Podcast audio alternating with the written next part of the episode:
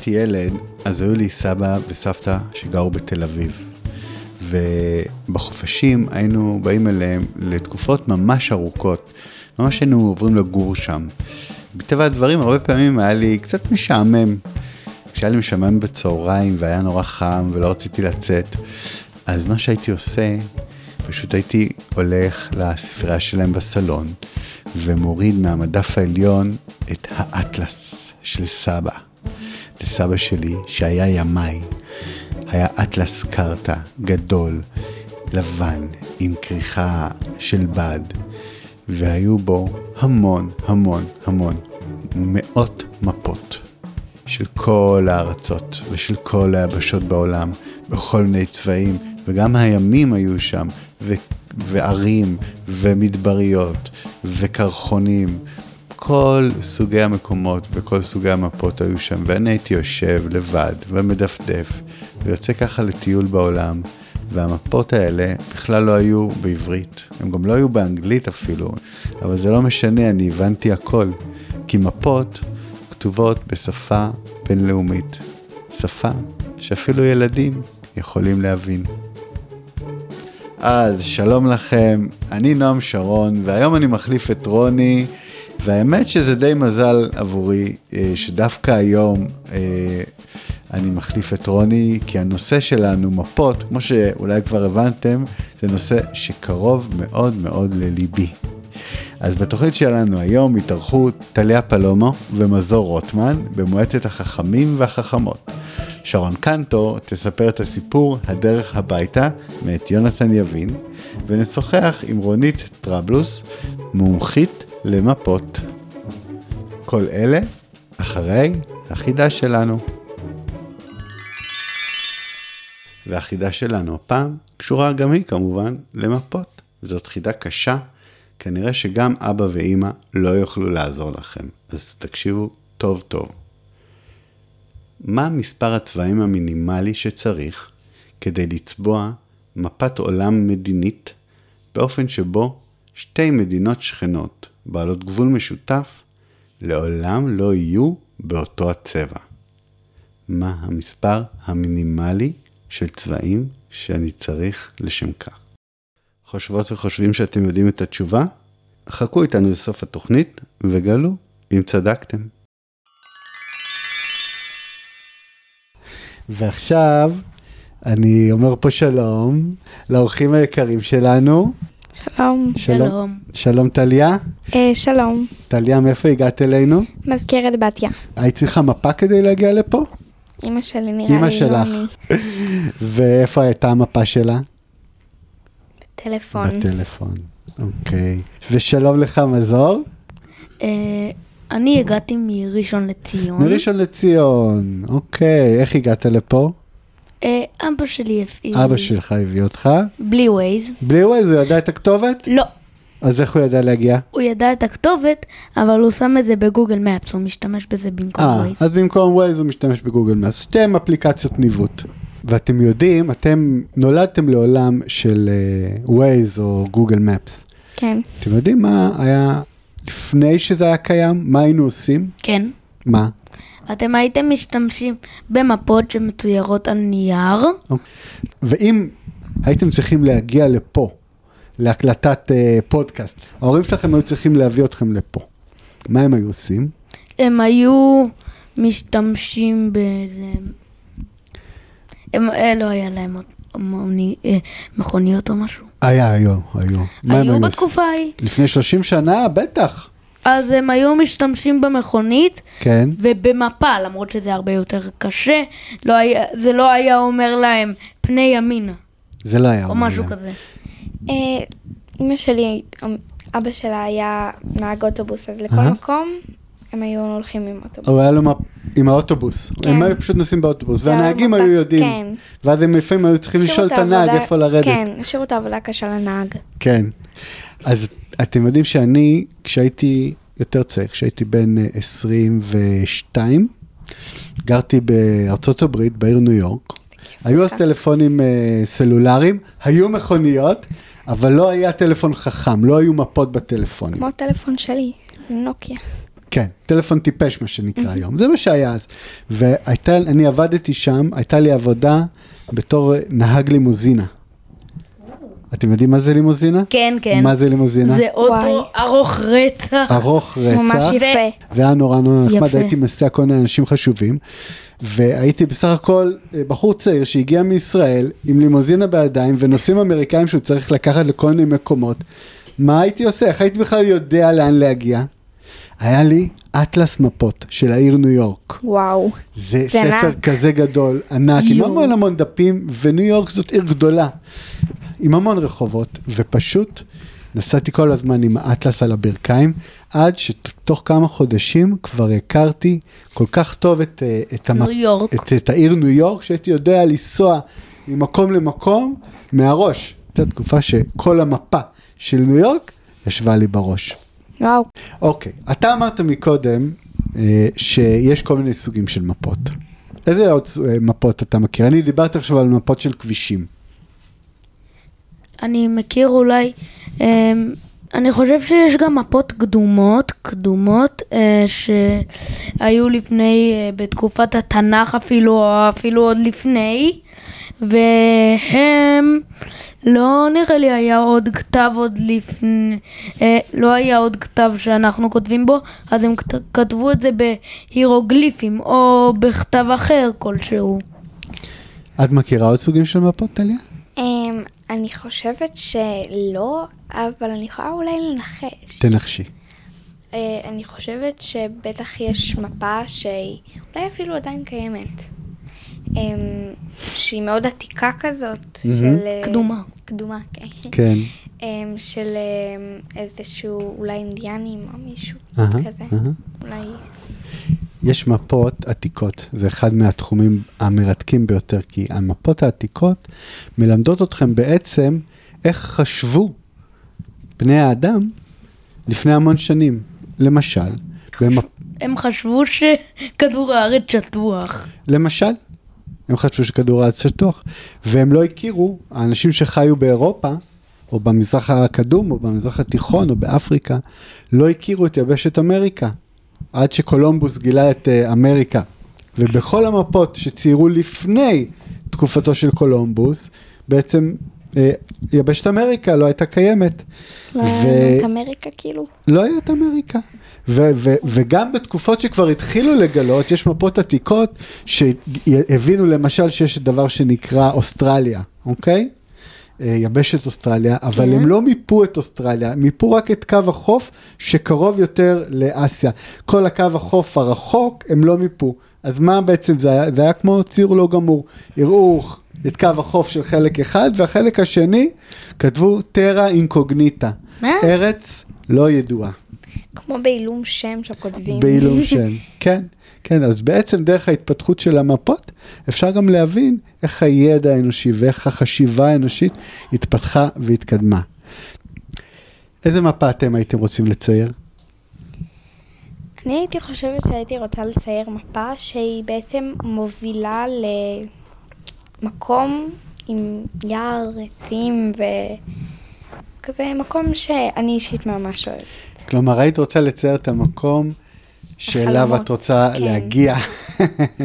יש מקום כזה באמת בעולם? אני מאוד מקווה שכן, אני לא מכירה.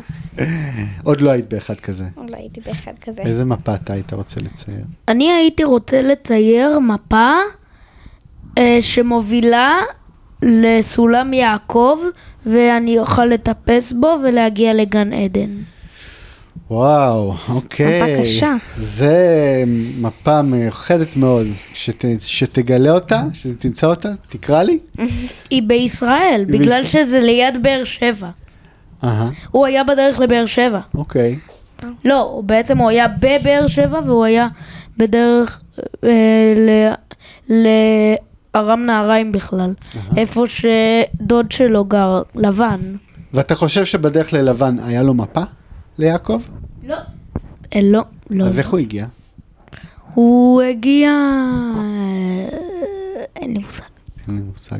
זה היה אולי בתקופה, זה אולי היה... הוא שאל אנשים בדרך? לא נראה לי. אותי ואת חברה שלי פשוט עצרו באמצע הרחוב, כן. שאלו אותנו איפה זה הקניון. זה היה כאילו ברמזור, והיינו צריכות לעבור בדיוק, ואז פשוט הלכנו איתה על הקן יותר. פשוט הראיתם לה איפה זה. הראינו לה איפה זה, כי פשוט הלכנו. אה, עם זה היה בדרך. שלכם. כן, זה היה בדרך שלנו. נו, אז לפעמים דברים טובים ונחמדים קורים כשלא יודעים אה, איפה כן. איפה נמצאים ולאן צריך להגיע. אפילו היה טיול נחמד. מקסים. טוב, אז אנחנו עכשיו נעבור לחידון.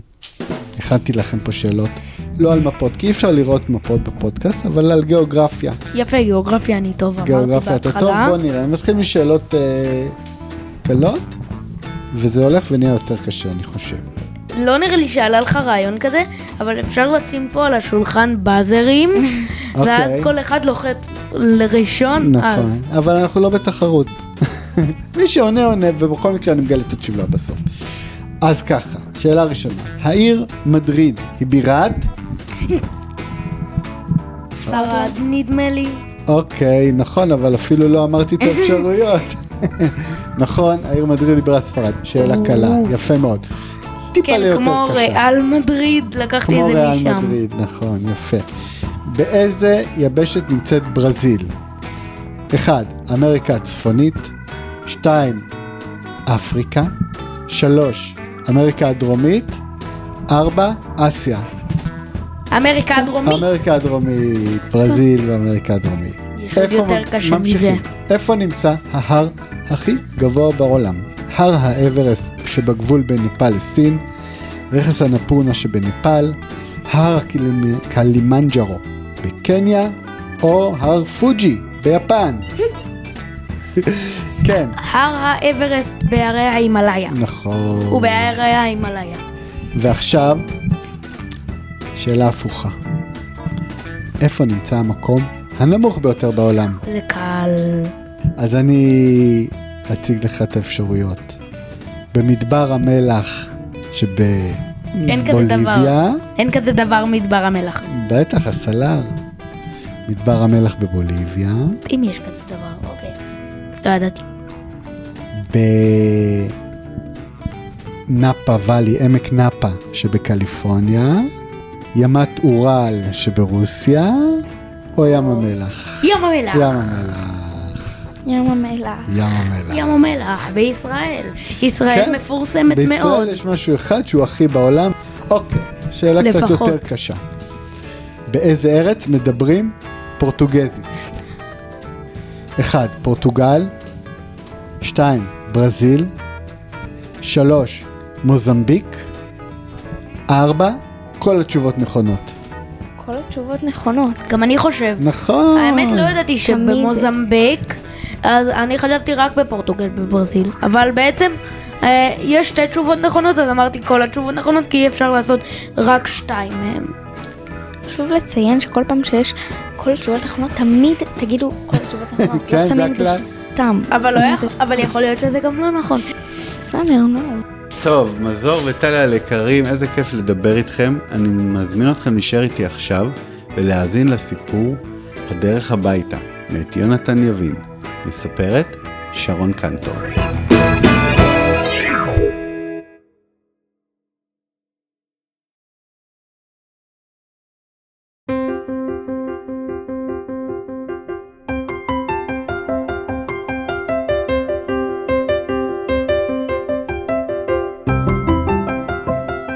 הדרך הביתה, מאת יונתן יבין.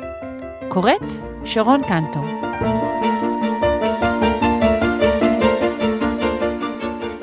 בכל פעם זה אותו הסיפור איתו, עם אחי הקטן והמעצבן אלעד. ועדיין, ההורים שלי מתעקשים שבימי רביעי אמשיך להוציא אותו מבית הספר, כי הם חוזרים מהעבודה מאוחר. נכון שאלה רק שעתיים, אבל אלה שעתיים של סיוט. וביום רביעי, שבו קרה הסיפור הזה, הסיוט כמעט נגמר באסון. אה, אולי כדאי שאציג את עצמי קודם. קוראים לי אודליה, ואני בכיתה ד', ולאחי קוראים אלעד המעצבן, והוא בכיתה ג'. פעם היינו חברים מעולים, אבל כשהוא הגיע לכיתה א', התחלנו לריב.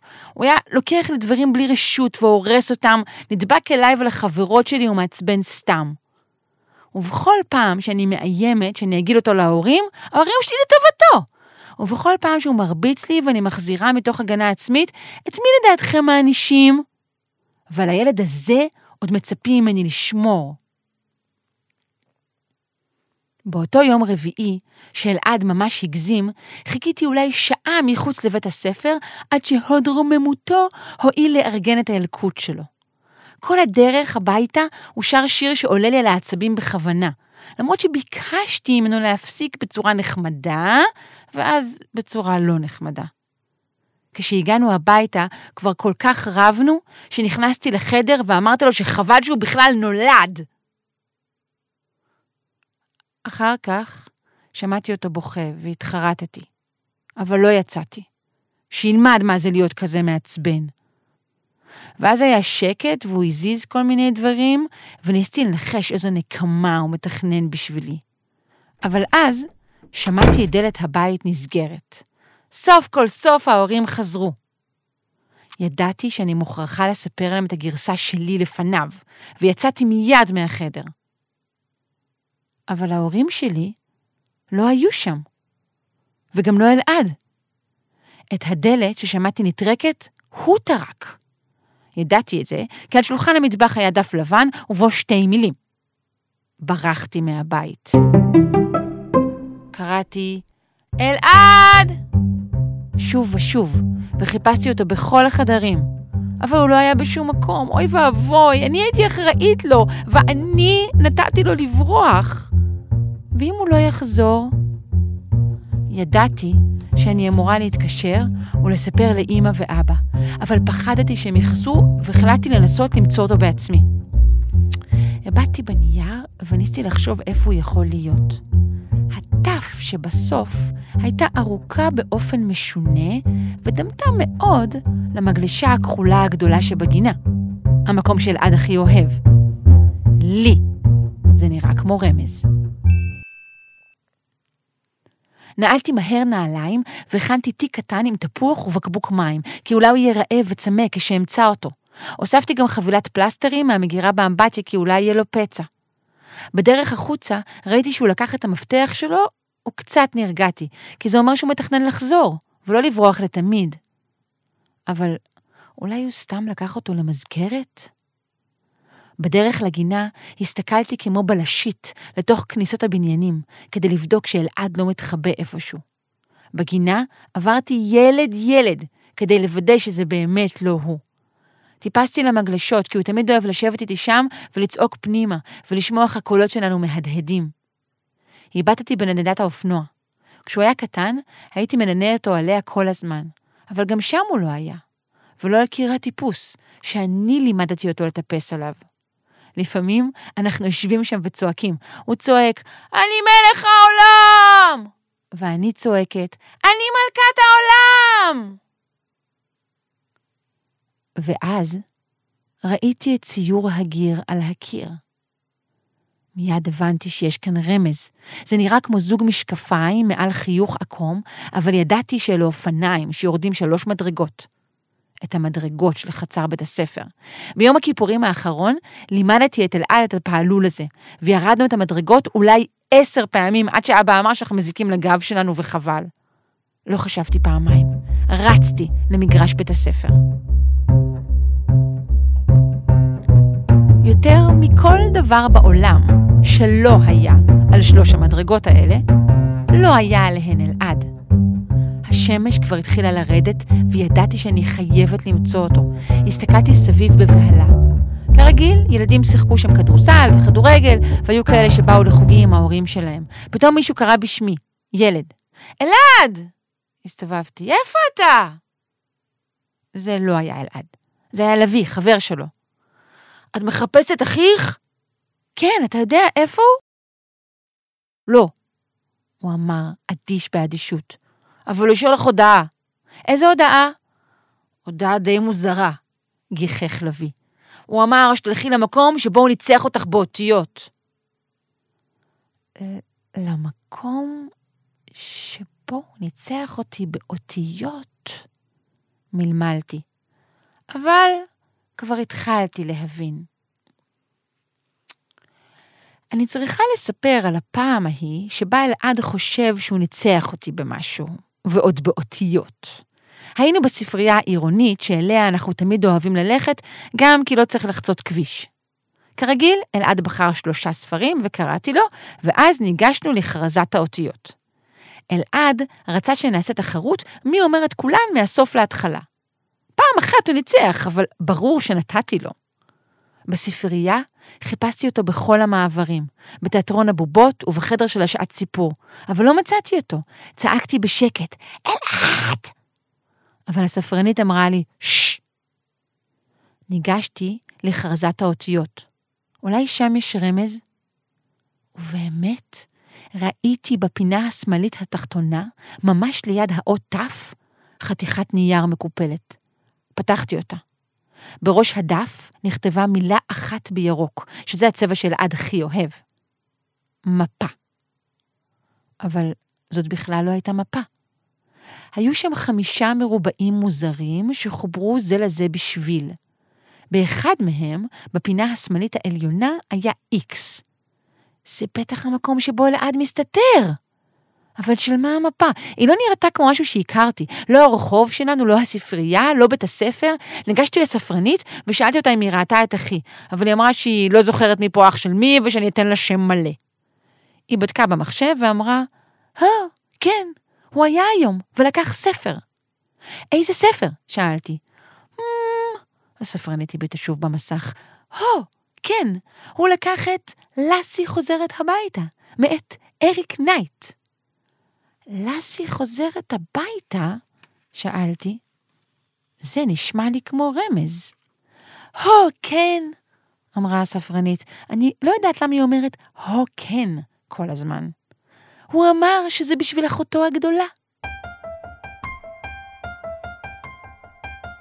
באותו רגע אהבתי את אח שלי ממש כמו פעם.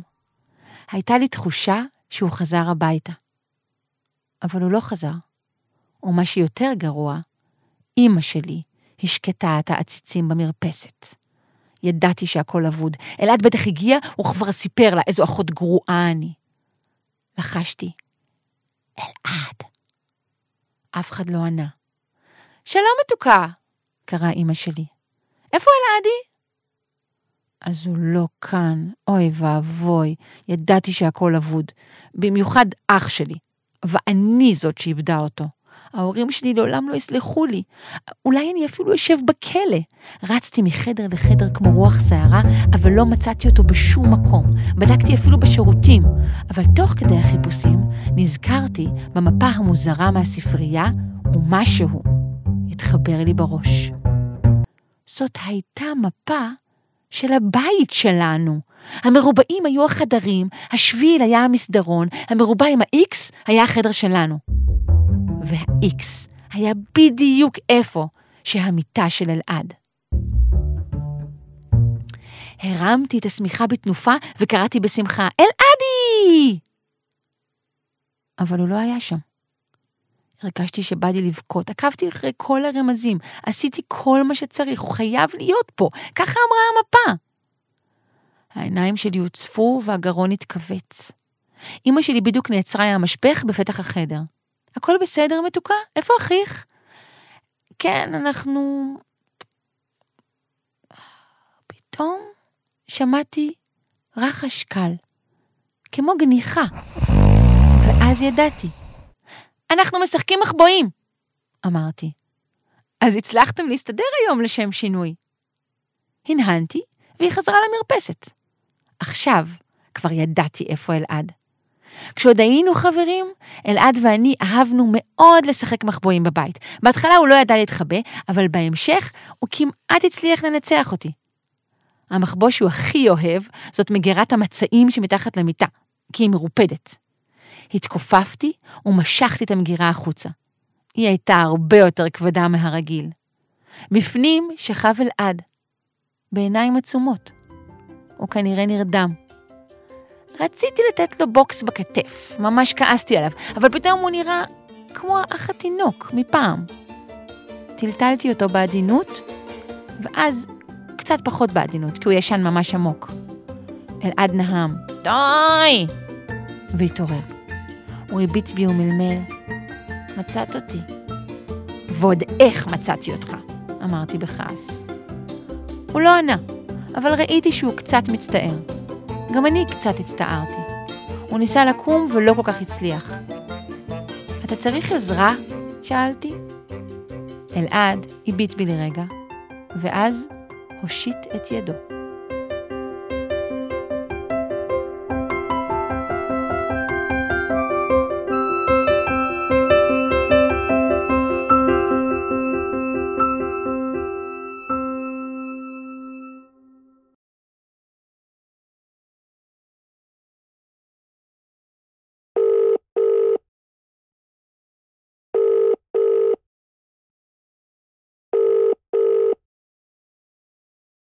ונמצאת איתנו רונית טרבלוס, ראש גף קרטוגרפיה במרכז למיפוי ישראל. שלום רונית.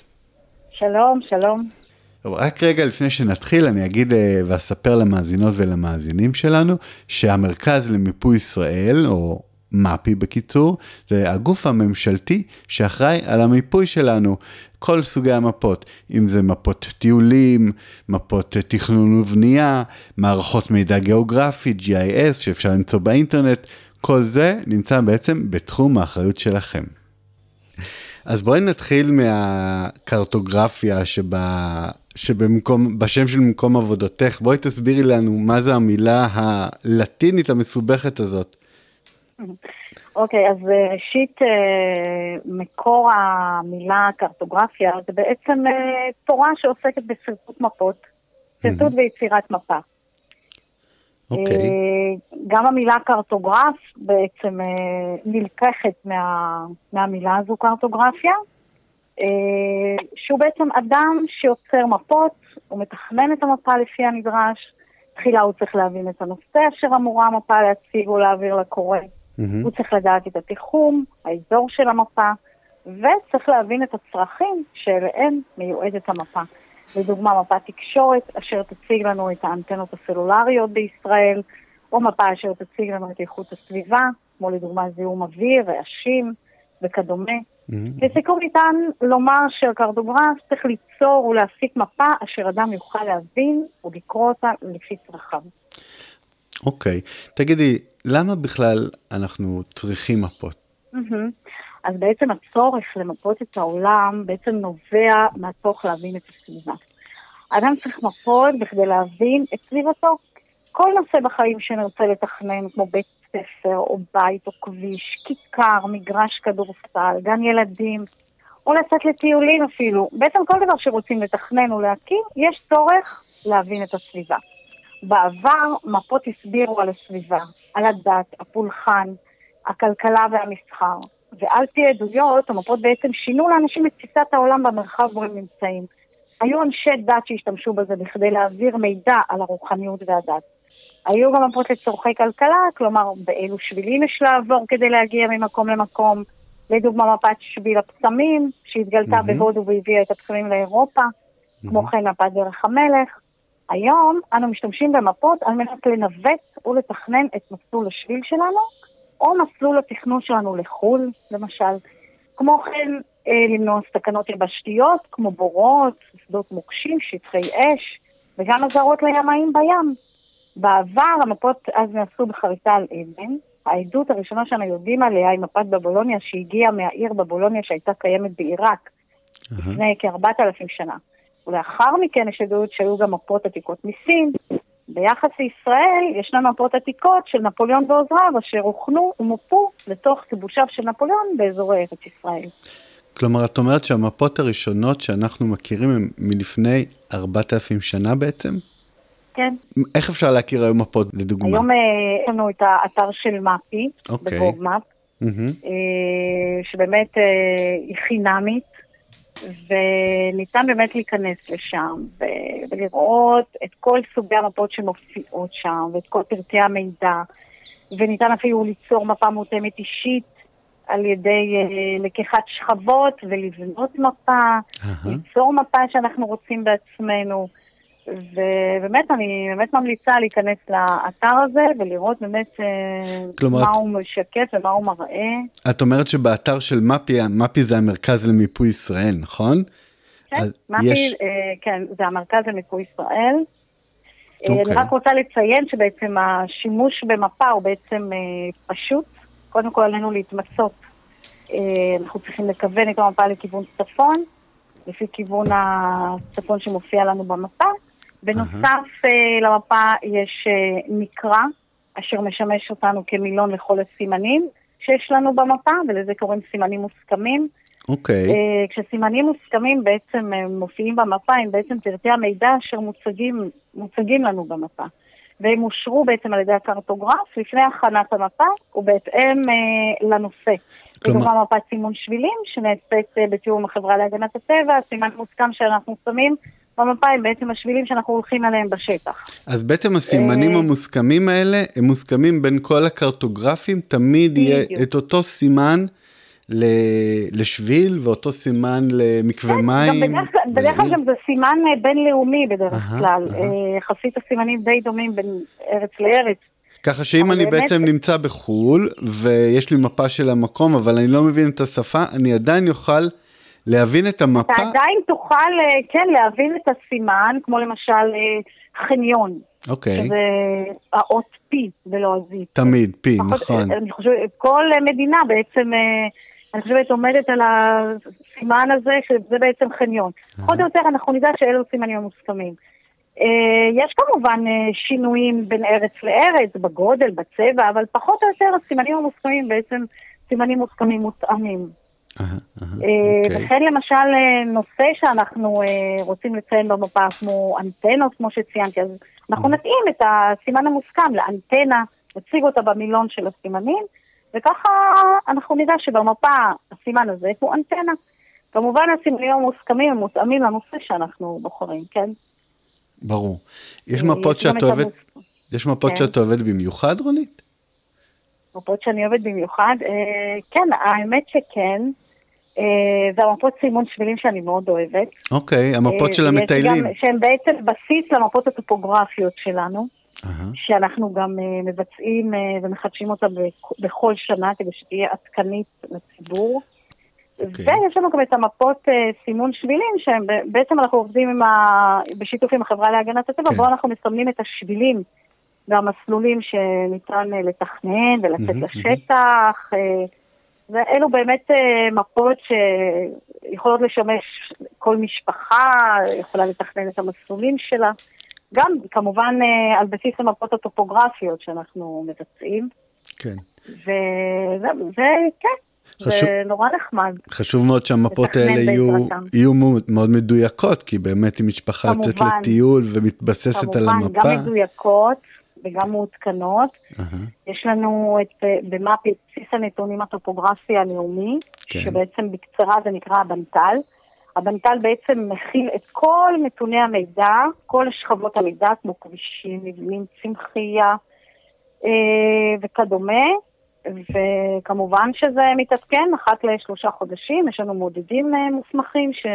אה, יש לכם מודדים, בשטח השטח. שמסתובבים ו... בטח? מסתובבים, אה, מבצעים סקרי שטח ומכניסים את כל הנתונים האלה לתוך המאגר אה, של מרכז המיפוי ישראל, מהמם, שהוא באמת עדכני, מהמם. וזה בעצם היתרון של מפ"י, שבעצם המפות שלו מדויקות ומעודכנות. אנחנו מזמינים אתכם להיכנס לאתר שלנו ב-GovMap, לעיין בכל סוגי המפות והמידע של מפ"י. והשירות הוא חינמי, ניתן ליצור מפה מותאמת אישית עם כל הנתונים שתרצו לראות על גבי המפה. וואו, נהדר, רונית, תודה רבה לך על השיחה הזאת. תודה רבה.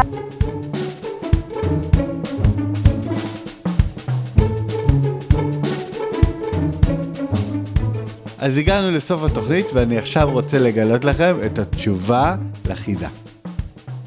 החידה היא כזאת, אם אני רוצה לצבוע מפה מדינית באופן כזה שלא יהיו שתי מדינות, שנייה רגע, מה זה מפה מדינית כבר הבנו? כן. כן, מפה שמקיפה ומראה את מ- כל המדינה. מפה שמראה את הארצות, כן. ובכל כל ארץ היא בצבע אחרת. אז אם אני רוצה לצבוע מפה מדינית באופן כזה שלא יהיו שתי מדינות שכנות באותו הצבע, מהו המספר המינימלי של צבעים שאני צריך. כלומר, מה הכי פחות צבעים שאני צריך כדי לצבוע. רגע, אתה... אמ... נו, אתה חושב?